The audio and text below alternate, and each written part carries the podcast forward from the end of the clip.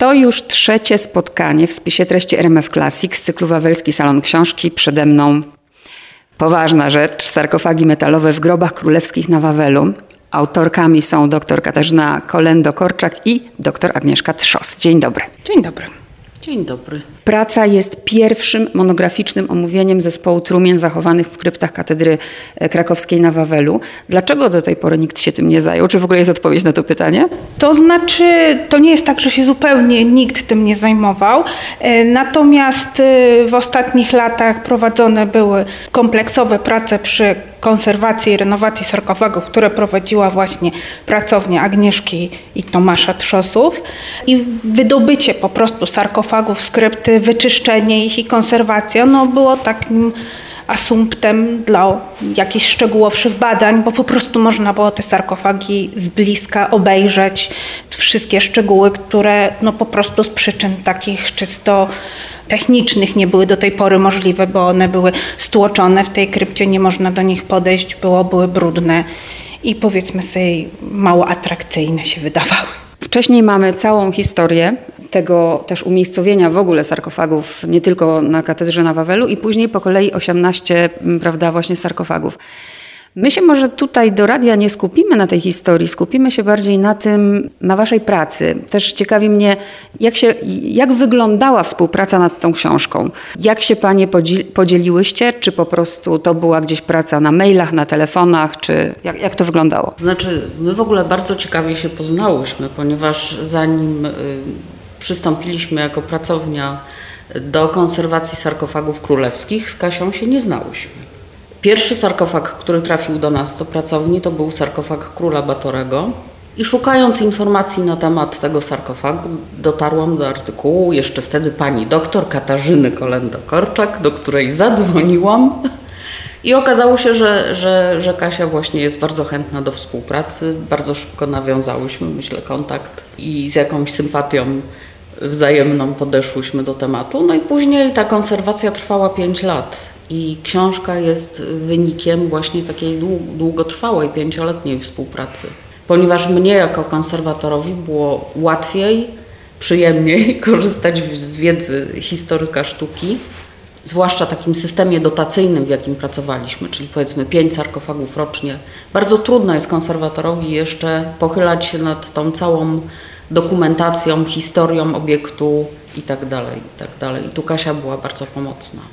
Tak, a jeszcze chciałam dodać tylko taką rzecz, że oczywiście jak Agnieszka do mnie, bo ja już wcześniej się interesowałam w ogóle sarkofagami, e, napisałam właśnie tekst do sarkofagu Batorego i jak Agnieszka do mnie zadzwoniła, ponieważ ja oczywiście sarkofag Batorego widziałam z bliska, zostałam wpuszczona jeszcze przed y, otwarciem katedry dla zwiedzających zupełnej ciemności do krypty, gdzie sobie ten sarkofag mogłam obejrzeć, ale to było jeszcze przed konserwacją, więc on był oczywiście brudny, nie było różnych rzeczy tak dokładnie widać, więc jak tylko usłyszałam, że mogę przyjechać i go zobaczyć z bliska, dotknąć, na to rzecz jasna y, bardzo się ucieszyłam i od razu to zrobiłam. Natomiast to dla mnie też było szalenie istotne, bo bardzo często praca historyka sztuki jest taką pracą czysto teoretyczną, natomiast to daje nadzwyczajną no, taką przyjemność i satysfakcję, że coś, co się robi, no, ma taki, takie przełożenie fizyczne, że coś, co znajdziemy, ustalimy, jakby służy do y, pomocą właśnie konserwatorowi i, i, widać jakby takie no, wyniki tej pracy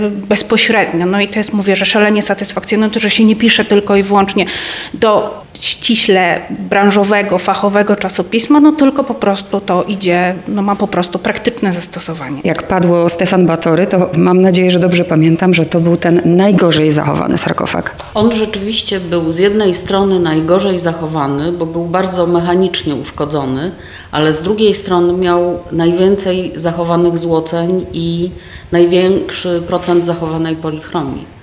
Także mm, i był pierwszy, który z takiego monochromatycznego stał się niezwykle kolorowy, właśnie bogato złocony i chyba zrobił wtedy takie pierwsze wrażenie, był zaskakujący dla zwiedzających. Na poziomie ogólnym przybliżmy słuchaczom, e, kiedy się pojawiają sarkofagi i jak wcześniej chowano? Pierwsze sarkofagi w ogóle metalowe pojawiają się w końcu wieku XVI. Wcześniej, jeśli pytała Pani o te pochówki, no to te pochówki w katedrze wawelskiej wcześniej były po prostu zwłoki składane w takich komorach grobowych bezpośrednio pod posadzką. Natomiast od momentu budowy kaplicy zygmuntowskiej pod kaplicą została wymurowana krypta grobowa duża, no i tam zaczęto chować rzeczywiście, no jakby był jakiś lepszy dostęp. To znaczy, co nie znaczy oczywiście, że te krypty były powszechnie, tak jak dzisiaj zwiedzamy groby królewskie dostępne. I pierwsze sarkofagi właśnie były związane z pochówkami Zygmunta Starego i jego, jego żon. Natomiast pierwszym metalowym sarkofagiem jest sarkofag Zygmunta Augusta który jest pierwszym również w tej części katalogowej, prawda, opisany. Teraz z punktu widzenia, żeby sobie wyobrazić dla kogoś, kto nie ma pojęcia o pracy konserwatora, jak to technicznie wygląda, o ile da się to w paru minutach opowiedzieć, e, czyli przewiezienie tego sarkofagu i co później się e, robi? Rzeczywiście nie da się tego streścić, ale no jest to przede wszystkim logistycznie trudne zadanie. Taki sarkofag cynowy waży około 600 kg. Czyli wydobycie takiego sarkofagu z krypty, y, w przypadku katedry wawelskiej jeszcze po schodach, no to jest nie, nie lada wyzwanie.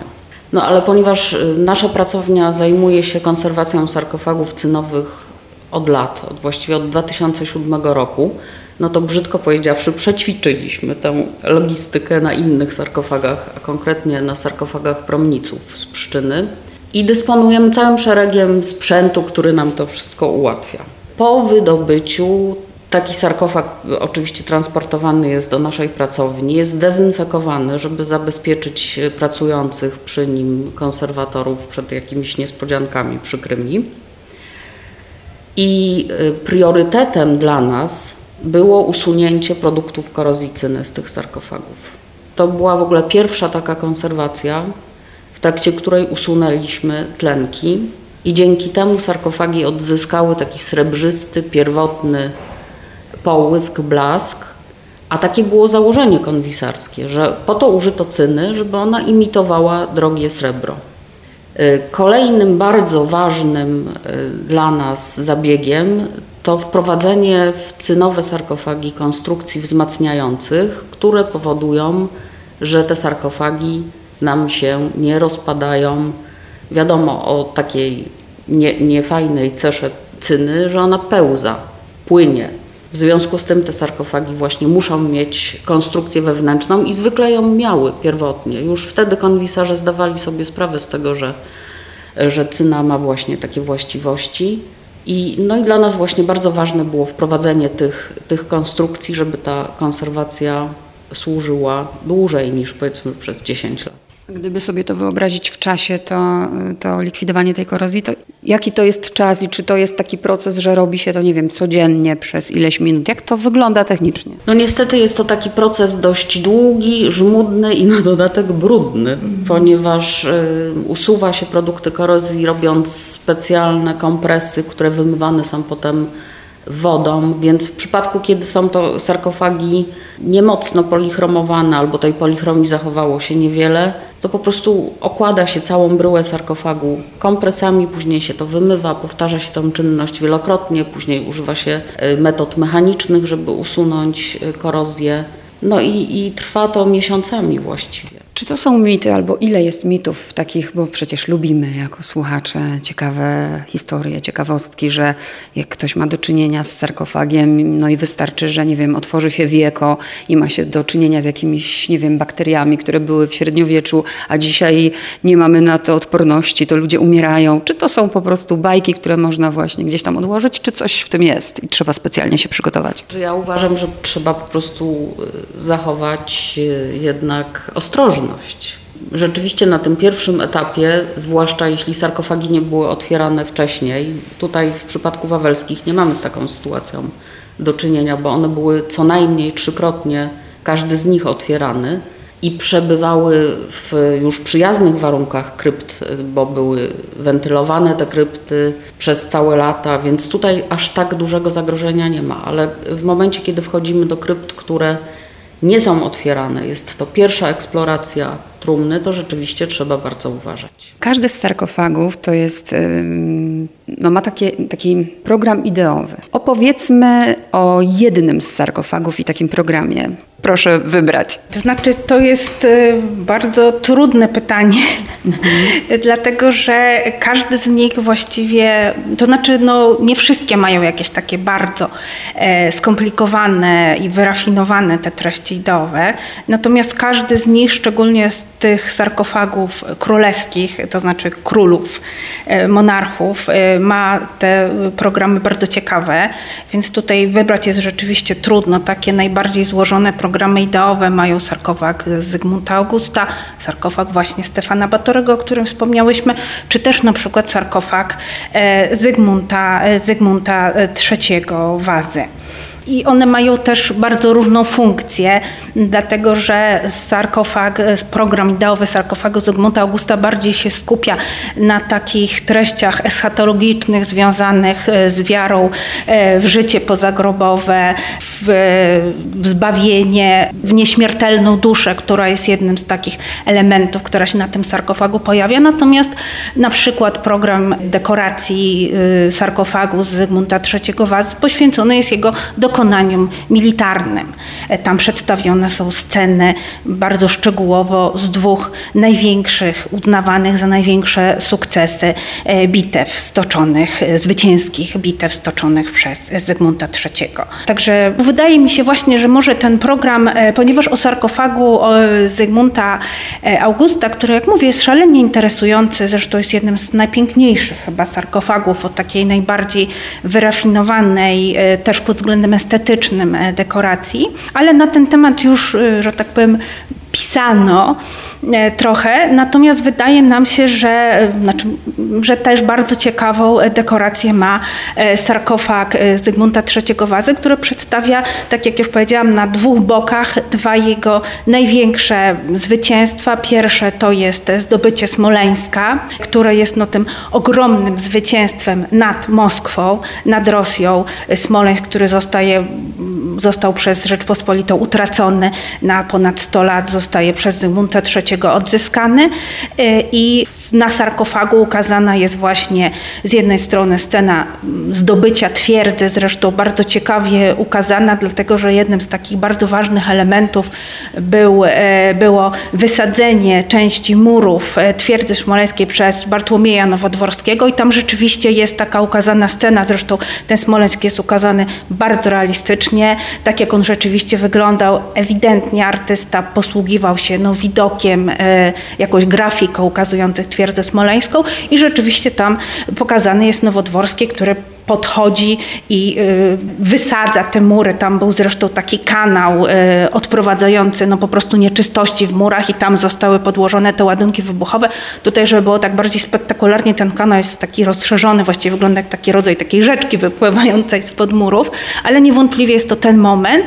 Natomiast również tam ukazany jest na pozostałych dwóch czy takich segmentach boku ukazany jest właśnie hołd Rosjan, którzy poddają twierdzę smoleńską Zygmuntowi, Zygmuntowi III. Natomiast na drugim e, boku e, z drugiej strony ukazany jest e, bitwa pod Chocimiem, która jest z kolei tym wielkim zwycięstwem Zygmunta III nad Turkami, czyli tym drugim ogromnym zagrożeniem nie tylko dla Rzeczpospolitej, ale dla całej Europy. Bitwa zwycięska, która zresztą mimo tego, że teoretycznie nie była rozstrzygnięta, ale zostaje uznana w ówczesnej literaturze za wielki sukces i e, tam właśnie też ukazana jest scena bitwy, ale również Turcy, e, którzy składają, e, składają hołd Zygmuntowi III, proszą, proszą o pokój. To zresztą nie jest do końca zgodne z faktami historycznymi, bo tak naprawdę to Polacy przyjeżdżali do Turków, a nie negocjować, a nie Turcy do Polaków. Tam też jest zresztą zresztą na przykład taki bardzo ciekawy szczegół, e, że Zygmunt III Waza ukazany jest w stroju polskim, e, czyli w takiej deli, w czapce futrzanej z tak z piórem, a nie w stroju zachodnim, tak jak on zwykle się nosił, co było zresztą bardzo, bardzo podkreślane było przez rozmaitych kronikarzy, którzy opisywali właśnie bitwę chocimską, dlatego że Zygmunt, Zygmunt III Waza, tak jak już mówię, lubił się ubierać na sposób zachodni, natomiast kiedy była jakaś taka bardzo paląca sprawa, musiał, że tak powiem, szlachtę sobie nastawić pozytywnie. Kilkakrotnie właśnie ubrał się w ten strój polski. To była jedna z tych nielicznych okazji, kiedy on tak występuje i rzeczywiście tak jest przedstawiony na tym sarkofagu. No i oczywiście ma to taką no, wymowę no, ukazującą, gloryfikującą wielkie czyny wojenne króla. I trzy pytania jeszcze krótkie. Pierwsze to takie, ponieważ tu Panie już mówiłyście, że te sarkofagi właśnie na Wawelu, one były już otwierane trzykrotnie. To w takim razie, czy podczas tej pięcioletniej Waszej pracy jest możliwe, że no, ktoś już to badał, otwierał, że czegoś nie zauważył i co odkryłyście? Tak, mieliśmy to szczęście, że nie zauważył.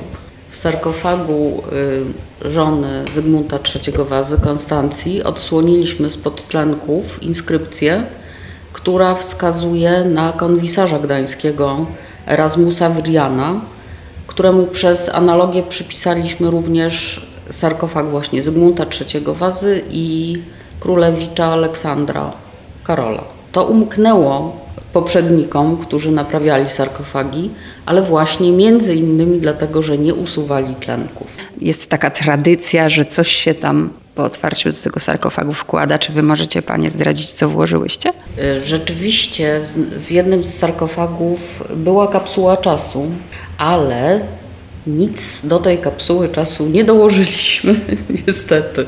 Dlaczego?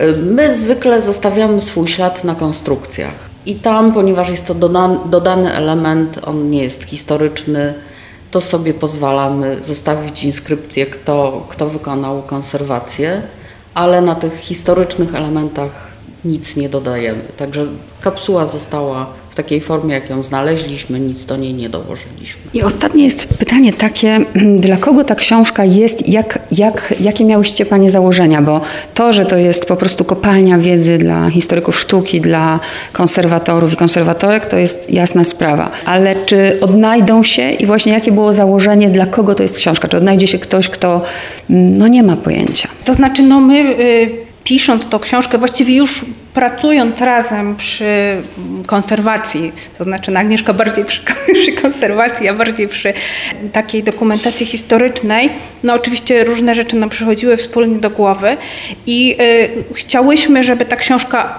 poza tym oczywiście, że jest to książka no, naukowa z pełnym aparatem, przypisami, bibliografią, informacjami archiwalnymi i tak dalej, ale chciałyśmy z jednej strony, myślałyśmy, żeby po pierwsze była to książka nie tylko bo bardzo jest często tak, że konserwatorzy piszą książki konserwatorskie bardziej dla konserwatorów, historycy sztuki bardziej dla, dla historyków sztuki.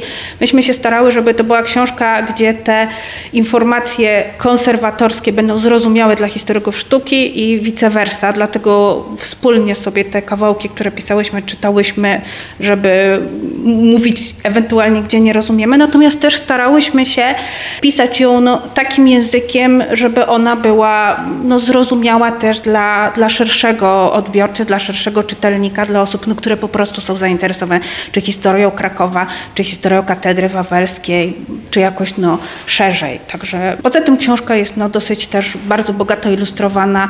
Chciałyśmy pokazać wszystkie elementy też i etapy konserwacji, też te sarkofagi, które tak jak już mówiłyśmy na początku, są po prostu trudno dostępne. Nawet teraz jak są po konserwacji, nie można ich z bliska dokładnie obejrzeć. Także też ten materiał ilustracyjny mam nadzieję, że też ją tak troszeczkę czyni bardziej dostępną dla czytelnika, który nie jest specjalistą. Bardzo dziękuję. Dziękujemy bardzo. Dziękujemy.